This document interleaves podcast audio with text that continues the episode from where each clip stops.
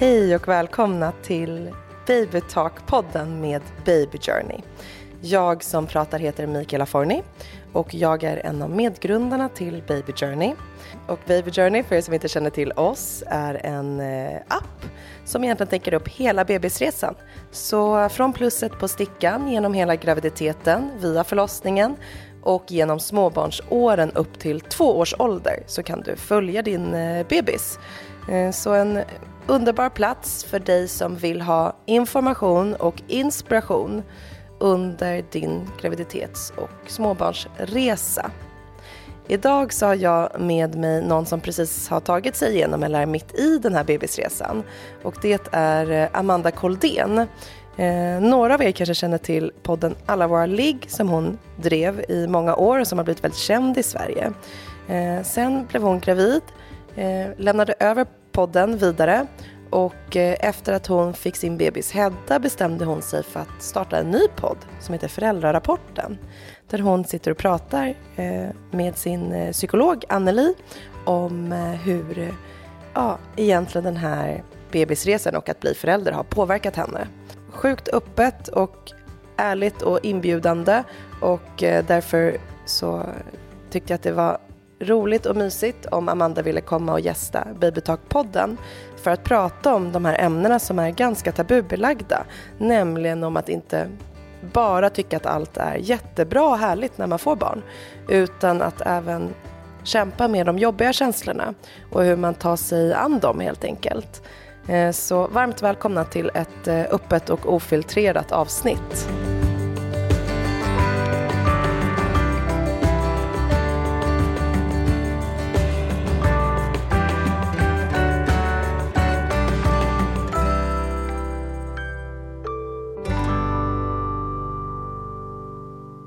Hej Amanda och välkommen till Baby Talks-podden. Tack snälla du, hej. Hur känns det att vara med i den här podden? Jättekul. Det var ju jag som hörde av mig bara, får inte jag vara med? Och du var så bara, jo det får du. Och jag, så jag blev jätteglad. Jag tycker det är så roligt när någon vågar höra av sig och ja, säga. Okay, det är min specialitet. jag önskar nog att jag var mer mm. så och jag mm. uppskattar när andra är ja, så. Jag hoppas att du är ärlig. Jag får alltid höra efterskott, bara, du sa det här till mig och jag bara, whoops. ja, men men. Hur mår du idag? Jo men idag mår jag ganska bra. Vi spelar in i april, jag vet inte när det släpps. Men det är sol mm. och det har ju varit vinter. Men jag känner mig på gott humör. Mm. Underbart att mm. du känner dig på gott humör. Eh, du har ju en egen podd som yeah. heter Föräldrarapporten. Yes. Varför startade du den podden? Um, ja men eh, vet du, jag var lite så här, det känns som att alla som får barn bara, oh kolla mig, nu ska jag göra en grej som handlar om barn. Så, så kan jag bli så här, åh nej jag skäms, eh, för jag har också varit ganska ointresserad av barn och mm. allt som har med det att göra, förlossning och så. Men jag tycker att jag är ganska bra på att prata om intima saker. Mm. Och jag har inget emot att använda mig själv som eh, verktyg. Eh, så då när jag kom på idén att jag, för jag har ju, det är verkligen ingen hemlighet, att jag tyckte att det var så svårt att bli mamma. Mm. Eh, så då kom jag på idén att jag bara, hmm, jag ska spela in när jag pratar med en psykolog om det här. För det tror jag, det liksom känns som en helt ny typ av podd och eh, jag tror att, eh, eller jag har känt mig väldigt ensam med mina känslor, men jag gissar att det är flera som känner som jag gör och att det kan vara ganska relaterbart. Och då var det bara så här, det här är briljant, jag måste göra det nu och så gjorde jag en pilot. Jag älskar den podden och eh, som du säger så tror jag att nyckeln ligger i att du vågar prata om intima mm. saker. Mm. Uh, och det har du ju med dig från din podd Alla våra ligg. Yes. Som om något är intimt att yeah. prata om och som många inte pratar om.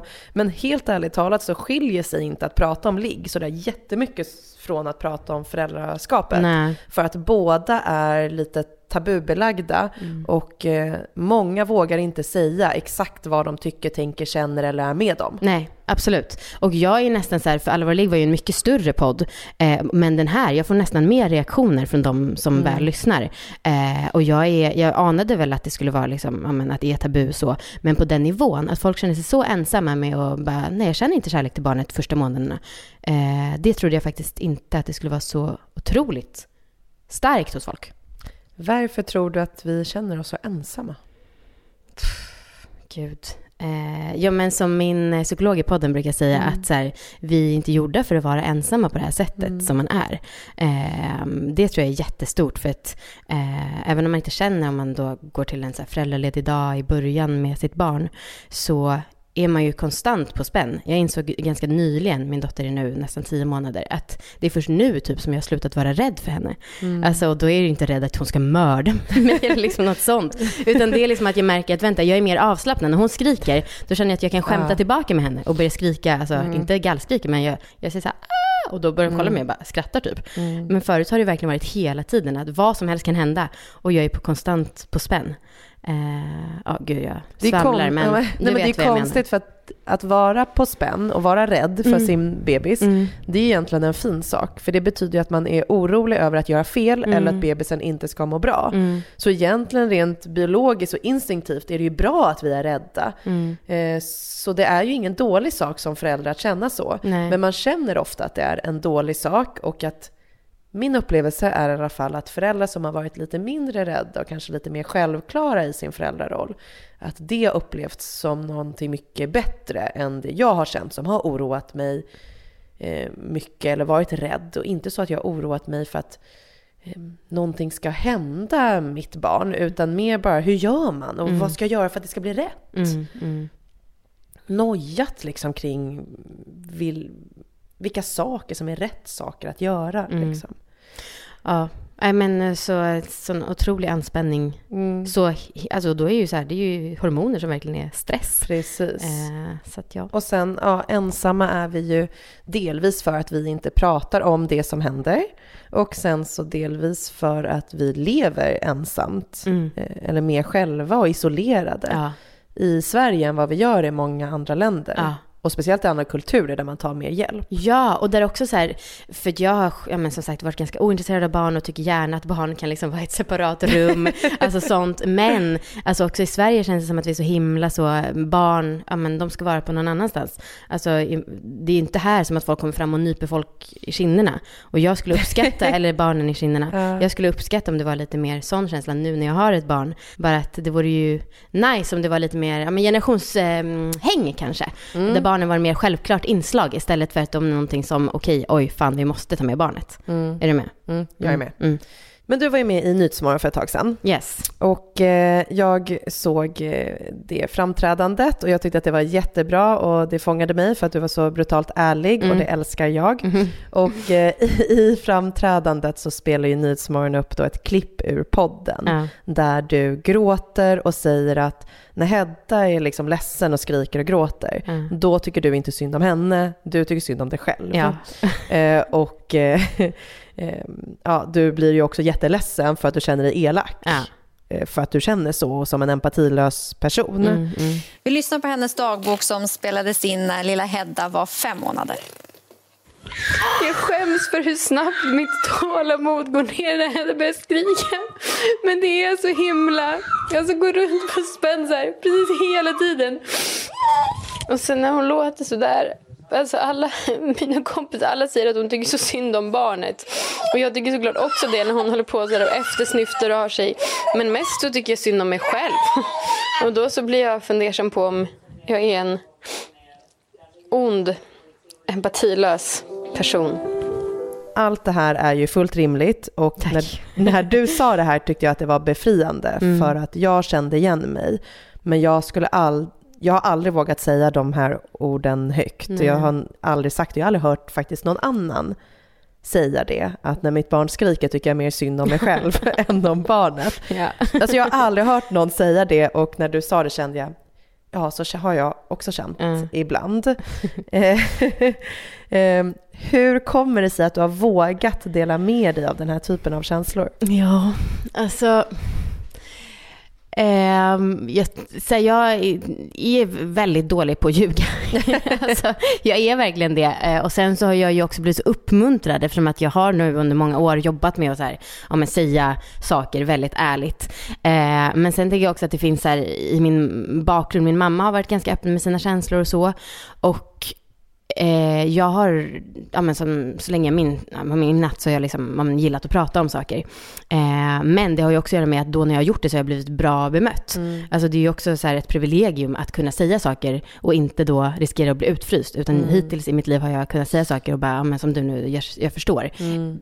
Sen är det säkert många som höjer på blicken och bara, är hon helt dum i huvudet? Mm. Men jag har inte bemött så mycket med den typen av kommentarer, liksom, oavsett vad det handlat om. Så att därför vågar jag väl det. Och så, ja, det är också bearbetning för mig själv Mm. eh, med det som, att bli mamma. För det handlar ju liksom inte om bebisen. Hedda har ju gjort precis som en bebis ska. Sen har de skrikit Mm. kanske lite extra mycket. Men det har ju verkligen varit min, att bli mamma och liksom den identitetsgrejen har ju varit, ja, mycket mer Mm. starkt och förvånande än vad jag kunde föreställa mig. I eh, kommentarsfältet på Facebook när man, de Nyhetsmorgon la upp det här Ja, det har inte klippet. jag sett. Ja, då, ehm, jag gick in och tittade på det och eh, då är det ganska mycket kritik och hat. Ja, det är det. Ja, Okej, vad spännande. För jag bara, Från- vart är, vart är hatet? ja eh, det är på Facebook. Okej. Mm. Och det kommer främst från män. Okej. Mm. Eh, och det vanligaste, jag läste igenom, det var säkert hundratals kommentarer. wow. Ja, det var otroligt stort. Eh, men när jag läste igenom så var den vanligaste kommentaren, som kom främst från män, var Varför skaffar du barn om du tycker att det är så jobbigt Mm. att skaffa barn? Eh, vad vill du säga till den personen som säger så? Ja, men ehm, så här, jag har... Jag tänker mig att folk tänker så när jag pratar om de här sakerna. Men så här, alternativet att inte göra det, Mm. det är ju också helt sjukt. Och sen är det ju, jag tror Anneli drog någon referens där i Nyhetsmorgon, att så här, ja, men, varför får inte föräldraskapet vara både och? Alltså alla andra saker man gör förväntar man sig ändå någonstans att det finns dubbla känslor kring. Eh, nytt jobb, skitpeppigt, askul. Men man är också pissnervös. Mm. Eh, men det är klart att folk inte ifrågasätter att man tar det här jobbet ändå. Nej. Sen så vet jag inte, sen barn är ju såklart extra starkt och alla bryr sig jättemycket om barn. Eh, det är väl någon sorts gemensam beskyddarinstinkt. Eh, och jobb är väl inte riktigt lika på den nivån som ett barn är, men Alltså för mig är det så självklart att man kan älska barnet även om man också kan tycka att det är så jobbigt. Varför tror du att så många tycker om att säga till, ja, till exempel dig då när du säger att det är jobbigt att vara förälder, att ja, men skaffa inte barn då? Mm. Jag tror att det Eh, kommer ifrån liksom. Alltså jag tror väl... Vi spelade nyss in ett avsnitt om så här normer och lite skillnaden i mamma och papparollen. Mm. det är väl så här, jag kan tänka att vi lever i Stockholm, så här, både du och jag är karriärinriktade. Jag tänker att man har kommit så långt i den frågan. Men så är det väl säkert föreställningar som är kvar, att så här, ja, men en kvinna ska gärna tycka att eh, vara hemma och vara med barn är det bästa av allt. Jag märker inte av det i mitt dagliga liv, men jag gissar att det finns massa lager som är liksom den typen av åsikter. Precis. Ja, och när, alltså, vi pratade nyss om att vi ehm, tar med barn på restaurang och så. Mm. Och jag kan själv döma, alltså, Mm. när jag märker att några har tagit med sig. Och sen så bara, fast jag vill ju att vi ska leva så här. Varför? Man är ju, alltså jag är själv dubbel i Mm. det där. Du brukar säga att du älskar ditt barn, men inte alltid föräldraskapet. Mm. Eh, vad menar du med det? Ja men alltså som sagt, älskar den lilla personen, tycker hon är helt ljuvlig, hennes kinder, hennes skratt, Mm. eh, hennes numera personlighet. Men att jag är en mamma som måste ha ansvar hela tiden, eh, som ehm, ja, inte känner att en god mor gör vissa grejer. Mm. Det tycker jag inte är så himla trevligt. Och framförallt då i början när man hade, eller när vi hade henne klistrade på oss hela tiden. Mm. Hur var det då? Uh, nej men jag, alltså psykos. Mm. Det var ju helt sjukt. Ja. Alltså vi hade ju också en prematur bebis som då krävde extra mycket närhet. Mm. Ehm, och jag som är så van vid att röra mig fritt och liksom verkligen gillar rörelse och träning. Jag blev väl helt galen. Jag googlade psykakuten. Eh, aldrig haft en panikångestattack förut. Där, vet inte, tror jag hade det. Mm. det. Och det som är så sjukt nu när jag är ute ur det. Jag antar att du kan relatera till Mm. det. Då är det liksom så långt borta. Då kan Mm. jag bli så här, men gud, drama queen. Alltså känner så, va, va, det var väl inte så farligt Amanda? Fast när man är i det, jag kommer ihåg att jag fick ett tips när jag skrev typ på min Instagram att så här, jag vet inte vad jag ska göra, jag har inte sovit på, jag vet inte hur länge, Mm. jag mår inte bra, jag behöver hjälp. Ja. Liksom. Då vet jag att någon skrev, du får ta en kvart i taget. Och så här i efterhand låter det helt absurt att tänka att man ska ta hela dygnet en kvart Ja. i tag, då är det inte så roliga timmar man tar sig igenom. Nej. Men i, alltså, i många perioder så tog jag liksom en kvart i taget. Mm. Liksom hela dygn eller hela veckor till och med. Bara, så här, bara klara den här kvarten. Mm. Bara klara den här kvarten. Speciellt 18 till 22 när han skriktimmar Ja. satte igång. Liksom att okej, bara klara den här kvarten. Ja. Liksom. Ändå, att det är 16 kvartar som... det är många kvartar man ska ta sig igenom. Mm. Vad hade du, finns det någonting du hade kunnat göra annorlunda när du tänker tillbaka på första tiden med bebis och psykakuten på googlingen? Alltså nu så tycker jag att det är mysigt när Hedda vill sova på en. Mm. Alltså det har redan gått till att, oh gud vad gulligt att hon vill. Mm. Eh, men där och då, jag vet inte för att eftersom att jag också var så ointresserad. Jag tror att allting som jag hade kunnat ta in hade bara gått ut genom andra örat. Mm. Alltså jag hade inte fattat så mycket om det här med att amningen kunde ta så mycket tid. Jag fattade inte alls eh, fjärde trimestern, närhet. Jag tror typ att det bästa var att bara kastas in i det, learn by doing. För att annars hade jag varit för opeppad eh, och det hade inte gått in i min tröga hjärna. Nej men det hade Ja. inte det. Mm. Hade du velat? Alltså jag är nyfiken. Jag vet att du sa nu intervjuar Jag jag, hade men jag är nyfiken. uppskattat den här typen av Ja. eh, samtal och poddar. Och liksom. eh, men som du säger, dels så väljer man ju vad man vill lyssna på och inte. Mm. Det är ju som med allt i livet. Mm. Man kan ju välja att bara ta in att graviditet verkar vara så mysigt och man får en sån fin mage. Mm. Och sen lyssnar man inte på de vänner eller de plattformarna där det står någon och skriker att graviditeten var det jobbigaste jag har gjort i hela Mm. mitt liv. Nej. Det är bara ho, ho, ho, så här hör man inte. Det är ju med typ förlossningen Ja, också. Jag, ja. liksom, jag förberedde mig enormt mycket inför min förlossning för att eh, jag kände att den nog kunde bli en utmaning och jag ville vara förberedd för att inte få panik. Ja. Ehm, så den gick ganska bra för mig, för jag var förberedd på liksom det absolut, absolut, absolut värsta Ja. hela tiden. Ja. Medan en annan vän till mig, hon hade en helt annan inställning till förlossningen. Hennes inställning var, jag är född till att föda barn. Det här kommer inte vara några problem, jag behöver inte lära mig någonting. Nej, okej. Sen var det så mycket som hon bara, varför har ingen sagt det här? Så bara, nej just det, det var för att jag inte ville lyssna. Och lite verkligen. så tycker jag att det är med första tiden som förälder också. Mm. Att jag var så fokuserad på förlossningen så jag hade helt glömt bort att det kom en tid efter. Och jag trodde nog att, äh, hur svårt kan det bli? Mm. Jag har klarat av jättemycket svåra saker i mitt liv. Varför skulle det här vara så svårt? Mm. Vilket också leder mig lite in på att du har nämnt många gånger att så här, varför tycker det är så svårt att vara förälder? Varför tycker jag att det är så svårt? Mm. Och det är någonting jag också har känt väldigt mycket. Mm. Alltså många gånger i början så tänkte jag så här, det finns ett program som heter typ 16 and pregnant på MTV eller något sånt, där Aha. 16-åringar skaffar barn. Jag bara, om en 16-åring klarar av att skaffa ett barn, Mm. varför klarar jag inte av att ta hand om mitt barn? Jag har klarat av massa saker Mm. som andra människor tycker är jättesvåra. Mm. Jag har skrivit fem böcker och andra människor säger Gud, har du kunnat skriva en bok? Jag har skrivit fem. Varför kan jag inte ta hand om en bebis som alla andra verkar Ja kunna men ta hand om? exakt, för jag känner mig också så otroligt kompetent och plötsligt bara, Mm. jag kan ingenting. Precis. Alltså, varför, ja. Och jag, i början var jag så här, jag bara, tänk att jag känner folk som är föräldrar. alltså hur har de någonsin kunnat säga ett vanligt ord till mig? Ja. Ja, så att därmed önskade jag att jag kanske hade lyssnat lite mer på den här typen av samtal. Ehm, andra mammor som berättar om en eh, inte så ros, ro, rosa skimrande eller rosenskimrande eh, första tid med bebis för att förstå att äh, men den kan nog vara rätt vidrig och är den inte det, då får det vara en bonus. ja, precis. Mm. Men det är tråkigt att förbereda sig på tråkigheter. Så du tycker ändå så här efterhand att det var bättre att bara kasta sig in i det? Tycker och tycker, jag vet liksom inte vad alternativet hade varit. Varför tror du att så många är eh, rädda för att prata om det jobbiga i föräldraskapet? Jag tyckte själv inte att jag hade en bra svar på den där frågan som många på Facebook då har skrivit. Men varför skaffar du barn då om det är så jävla Mm. jobbigt? Det är väl att man är rädd att få något sånt uppslängt i ens ansikte. Då känner man sig ganska tillplattad. Eh, ja, jo, du har rätt. Varför gjorde jag? Jag får bara bita ihop här. Mm. För mig är känslan av svaghet som gör att man kan eh, vara rädd för att dela det som är jobbigt. Mm. Att om jag säger i ett sammanhang att Gud, jag tycker det här och det här är så jobbigt. Och så säger alla andra, nej, Mm. Att inte få någon som Ja, att relaterar ingen eller håller med bekräftar. eller Mm. bekräftar eller visar att "Nej, men så har jag också känt. Eller, jag har inte känt med just det där, men jag har känt om den här saken Mm. istället.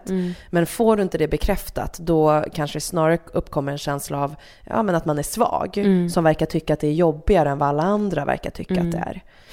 Jag tänker också att det kanske är liksom, att, alltså med, återigen kulturellt, att så här, vi, man ska gärna bara sköta sina egna affärer. Ehm, och också att ehm, sköta sina egna affärer. Ehm, jo, och också att det är så svårt att komma ihåg att det finns både och. Alltså för att jag, mm, folk som inte känner mig som lyssnar på den här podden lär ju tro att jag är världens deppigaste tjej. Alltså så här astråkig som bara sitter hemma och gråter. Och det är jag ju inte. Alltså jag är ju en person som älskar att fixa fest och liksom laga mat och träffa kompisar. Men eh, man är ju, ju ganska enkelspårig att om någon berättar det här, då är det bara så. Eh, man glömmer att det finns massa andra sidor hos den personen också. Så att om någon själv yttrar att det här är jobbigt och svårt så kan man tänka att ja, du är en sån där som tycker det är jobbigt och svårt och det, det var du. Mm. Ja, det definierar en sån person, Mm, mm, när man säger att någonting eh, är väldigt jobbigt. mm. Tror du att folk ser på dig som en superdeppig Du, person som bara klagar och tycker allt är Jag har gjort så mycket spretiga skitjobbigt? saker i mitt liv så att jag har fan ingen aning. Ehm, Varför tror du att så många känner att föräldraskapet inte är som vi har tänkt oss? Alltså är det för att det är tabu att prata om hur jobbigt Mm. det är? Eller är det för att eh, vi inte är mottagliga för att förstå föräldraskapet innan vi är i det? Mm. Men en kombo kanske. Och sen återigen det här med att vi lever så isolerade i lägenheter, vi som bor i Stockholm, eh, utan Alltså att man inte ens, vi ser ju inte ens på vintern, alltså man är inte så mycket folk på gatorna. Alltså jag tror att det är en kombo lite av allt. Att man inte är mottaglig och att det inte pratas och också att vi är föräldraledigheten på det här sättet, att det är helt sjukt. Att man liksom ska vara hemma ett år med en som inte kan prata ens. Tycker du att föräldraledigheten är ensam? Eh, nu tycker jag att den är ganska nice för att Hedda börjar bli roligare och hon uppskattar att vi går på utflykter och sånt. Och hur gammal är hon nu? Eh, nästan tio månader. Mm. Eh, men eh, i höstas och framförallt när det var så mycket RS då Mm. eh, och Hedda som är prematur var extra känslig så att jag gick liksom inte ens in i mataffärer. Då tyckte jag att det var fruktansvärt. Mm. Ehm, så jag tyckte att det var det. Nu tycker jag att det är bättre. Mm. Hur länge var du föräldraledig?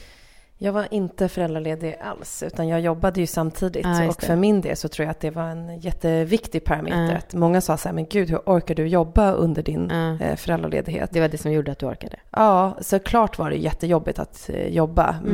Men eh, det var jobbigare för mig att bara vara hemma med en missnöjd bebis. Mm. Och känna att vad jag än gjorde så gjorde jag fel. Mm, mm. Ehm, Precis, man får ju ingen bekräftelse. Precis. För att någonsin. Och ibland så testar du allt och Mm. ingenting funkar. Det är bara en person som gnäller och Mm. är ledsen och missnöjd och inte har det bra. Och då är det lite lättare om du kan fokusera på någonting annat samtidigt som du försöker Mm. eh, ta hand om den här lilla varelsen. Liksom. Mm, mm. Och jag kunde tycka att för mig bara att vara ute och käka en lunch med kompisar som inte hade barn, eller det spelade ingen roll, men bara vara ute någonstans med andra. Det var, då orkade jag stå och gunga i bärselen Mm, längre. mm. Men när man står hemma i köket och gungar i bärselen och kollar på ugnsklockan, Mm. en minut är lång tid alltså, tiden går väldigt långsamt. Mm. Så jag försökte göra det jag kunde för att känna mig mindre ensam och få tiden att gå snabbare. Eh, vilket jag också önskar att fler kanske hade vågat prata om det här med att inte älska föräldraledigheten. Mm. Att den inte behöver se ut på ett traditionellt sätt. Det du beskriver att föräldraledig ett år. mm, För mig tillhör det liksom normen och någonting som vi kanske måste våga förändra Mm. och bryta och hitta nya alternativ kring. Mm. I min roll som arbetsgivare så är det till exempel väldigt viktigt att kunna erbjuda olika typer av eh, vägar när man skaffar barn. Att om man inte vill vara helt föräldraledig under en lång period behöver man inte det. Nej. Man ska få känna sig delaktig som en del i teamet. Mm. Också för att eh, hjälpa jämställdheten på traven Mm. och att de kvinnor som väljer att vara föräldralediga inte ska hamna för långt efter i sina karriärer. Nej. Jättebra. Varken i kunskap eller erfarenhet. Mm. Vad tror du att du hade behövt för att eh, få mindre psykoser under första tio månaderna som förälder? Ja, alltså jag vill ändå ge Hedda lite upprättelse. Hon, jag började tycka om det verk, eller henne väl, eh, och liksom landa i mer rollen typ för två månader sedan. Så att det ändå var två månader jag sett ljuset. Mm. Eh, men vad hade jag behövt? Alltså jag hade tyckt att det var toppen, eh, inte att bo med så här far och morföräldrar, men eh, mindre tid med henne. Mm. Alltså veta att jag hade varannan timme så var min egna. Mm. Först kanske jag gick ut på en promenad och för då så när jag kom hem till Hedda då blev jag helt galen och bara Åh min lilla lilla Mm. gullegris! Men sen så är jag ganska nöjd efter en timme och då Mm. så kanske jag får ställa mig och laga lite lunch i fred. Mm. Alltså, sen så är inte det kanske helt praktiskt möjligt. Kanske inte kommer vara om vi får ett till barn heller. Men de gånger när det varit lite mer så, då Mm. har det varit nice ju. Du nämner ju det här med att, att det värsta är över och du har Mm. börjat se ljusen i tunneln och liksom sådana saker. Och eh, alla eh, föräldrar har ju olika tidpunkter i liksom föräldraskapet. Vissa känner ju inte det här jobbiga överhuvudtaget. Nej. Och sen så finns det de som känner det och så går det över i olika liksom, perioder. Vad var det liksom som gjorde att du började se det här ljuset eller det började kännas lättare? Eh, ja, men som jag uppfattar att din son Dante har varit Mm. också, att han inte liksom har velat ligga ner eller vara själv. Hedda har varit otroligt skrikig. Alltså inte kunnat lägga ner henne eh, en sekund på golvet. Hon har också varit väldigt, från så här, att hon var tre, fyra månader, väldigt underhållskrävande. Eh. Mm. Hon liksom har suttit i bärselen och jag har lagat mat och hon har bara suttit så här ner och kollat när jag hackar lök. Mm. Och, liksom, och jag bara, fan hon är tre må- ska man, liksom, ska man vilja ha så här mycket underhållning när man är så liten? Eh, men då så när hon nu har lärt sig att liksom åla och sitta och kan sitta och pilla med grejer eh, och tycker det är kul och skrattar mer än vad hon skriker, då är det mycket, mycket roligare ju. Mer skratt än skrik. Ja. Vi frågade våra användare om de hade några frågor till dig Mm. inför den här podden. Mm. Eh, och eh, jag har valt ut tre Ja, och de kommer här. okej. Eh, ett. Vad är ditt bästa tips för att förbereda sig på livsomställningen som barn innebär? Mm. Den stora frågan. Vad är mitt bästa tips? Ehm, om man känner att man är mottaglig så skulle jag kanske försöka söka information, alla typer av information. Alltså verkligen så att man får bredden av det. De som älskar att vara hemma, som gärna kanske till och med är hemmafruar. Eh, de som inte gör det som du som började jobba eh, direkt från början. Eh, de som har en superpositiv upplevelse av att föda. De som det inte har gått så bra för eller som inte har tyckt att det var så härligt. Alltså bara så man får lite, fattar att det kan finnas massa olika, att det är ett så brett spektrum. Mm. Ehm, och sen omställningen. Eh, ja, där, nu säger jag emot mig själv, men så här, som sagt, nu kan jag tänka, åh gud vad mysigt att Hedda bara vill, eh, när hon vill sova på mig. Det tyckte jag inte de första sex månaderna, Nej. för att hon behövde det hela tiden. Mm.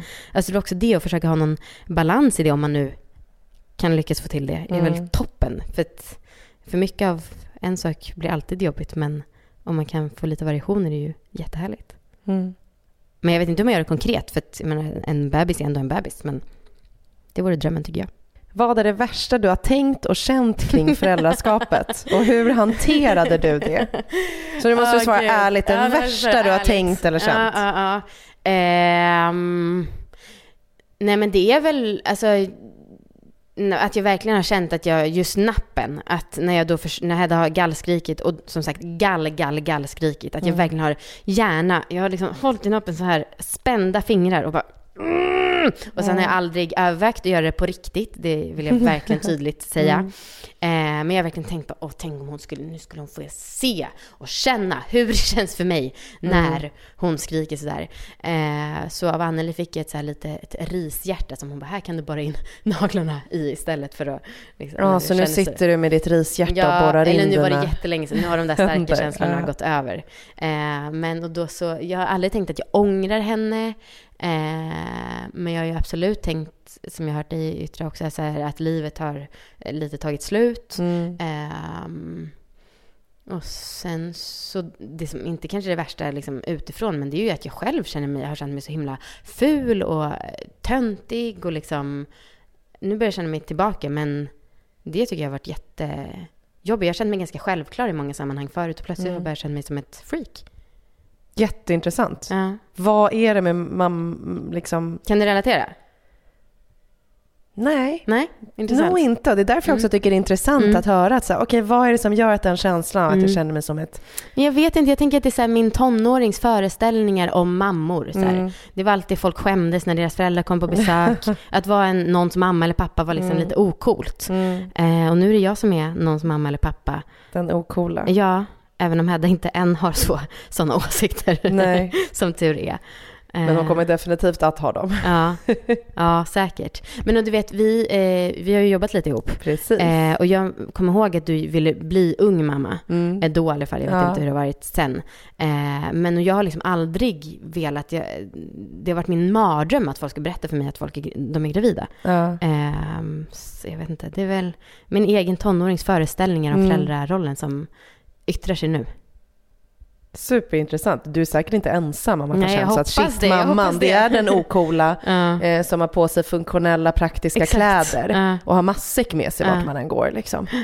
Trollar upp några så här muffins, Ja. hemgjorda eh, fullkornsmuffins ur ryggsäcken. Mm. Den sista frågan är, hur ser era läggningsrutiner ut och när införde ni dem? Mm. Då ska jag tillägga att nästan vad vi än gör på Baby Journey så kommer någon fråga om sömn in Mm. för att det är en så eh, stor del av föräldraskapet Ja. för många. Det är väl du som är experten på det här efter din resa. Jag är så ansiktet utåt för Ja. dålig sömn. Det Verkligen. blev min lott i livet. Ja. Ehm, nej men vi, jag var, tänkte länge här, "Ja, vi borde börja med rutiner, alla snackar om rutiner, men sen så bara, fast varför? Så här, Hedda verkar somna oavsett om vi sjunger samma visa eller om vi masserar henne eller vad som helst. Mm. Eh, så att hon har själv en ganska inbyggd klocka. Hon, eh, nu för tiden så somnar hon runt sex och då är hon verkligen så, hon kan sitta och leka och sen blir hon så trött och börjar gallskrika och då är hon tröstlös. Ehm, och sen så vaknar hon också väldigt tidigt, typ runt fem. Mm. Eh, men vi, vi gör inte så mycket och bara i helgen så hade vi barnvakt och då hade hon somnat så på mage i sängen vid sex när hon var trött och då hade vi inte gjort någonting rutinmässigt så att jag vet inte. Jag tror inte att vi har gjort så mycket, det har bara blivit som det är just nu. För det Inga rutiner. också ändras. Ja. Mm. Nej men jag menar, vi byter blöja, tar pyjamas och Mm. försöker sjunga en låt och läsa samma bok men spelar det någon roll? Jag tror inte det. alltså jag tror att det är mer för vår skull. Det kanske kan vara. Ja, Det är ganska skönt för en själv att ha lite rutiner Ja. ibland. ja. Jag undrar om, jag tänker att den som lyssnar nu Mm. kanske befinner sig i den fjärde trimestern Och har satt på det här avsnittet för att man eh, behöver någon typ av stöd eller support eller hitta igenkänning och Mm. ja, kanske känna sig mindre ensam. Mm. Som avslutande ord, vad skulle du vilja säga till den mamman som finns? Mm, Anneli, min psykolog, berättade att hon hade haft en föräldragrupp, eh, eller nej, hon hade fått klienter från en och samma föräldragrupp. Och i den var det tre mammor som alla ehm, hade ringt henne efteråt och bara “Jag är den enda i min föräldragrupp som inte njuter på det sättet jag borde”. Och hon hade bara Mm. “Vänta nu, ni alla är i samma föräldragrupp. Alla ni går dit och liksom låtsas att ni tycker att det är toppen. Eh, alla tror att de är så ensamma med att känna jobbiga känslor. Man är inte det. Eh, och skriv till mig om ni vill prata skit om bebisar. Alltså, det, det går helt bra. Jag kan bekräfta att de är jättejobbiga. Supergulliga utseendemässigt, också jättejobbiga personligheter. Vilken annan människa skulle man acceptera som bara skrek åt en hela tiden? De skulle ju bara, bye bye. Det är sant. Och det Mm. slutar ju inte när de går ifrån bebisar. Sen Nej, kommer tvåårstrots och sen är det Ja. någon femårstrots och sen är det någon Men du sjuårstrots. tycker väl att, det- du som också haft en jobbig bebisperiod, du upplever väl ändå att det blir lättare och lättare? Alltså otroligt Ja, mycket tack. enklare. Men jag kan ju också uppleva, och där är ju också alla upplevelser så olika att jag har ju vänner som säger att "Ja, men tvåårstrotsen driver mig till vansinne. Mm. Men jag kan ju nästan bli full i skratt i Mm. tvåårstrotsen för att den är ju ingenting jämfört med de skriken Nej. som, han skrek, skrek ju mycket mer i början och var mycket argare än vad han är nu. Men det är ju det är ganska roligt med trotsutbrott för de Mm. är ju, det finns ju ingen resonemang eller man förstår sig ju inte på dem överhuvudtaget. Nej. Det är ett helt känsloregister som håller på att byggas in i de där små människorna. Mm. Så jag tycker nästan det är lite gulligt och blir såklart ibland svinirriterad. Mm. När man typ har bråttom och försöker klä på en spaghetti, en vinteroverall i Mm. 20 minuter och redan har satt på sig vinterjackan själv. Mm. Tack Amanda Ja, tack för att jag fick för komma. det här samtalet. Och för er som inte har lyssnat på eh, föräldrarapporten så rekommenderar jag eh, den varmt. Och tack till alla er som har lyssnat. Tack. Hej då! Hej.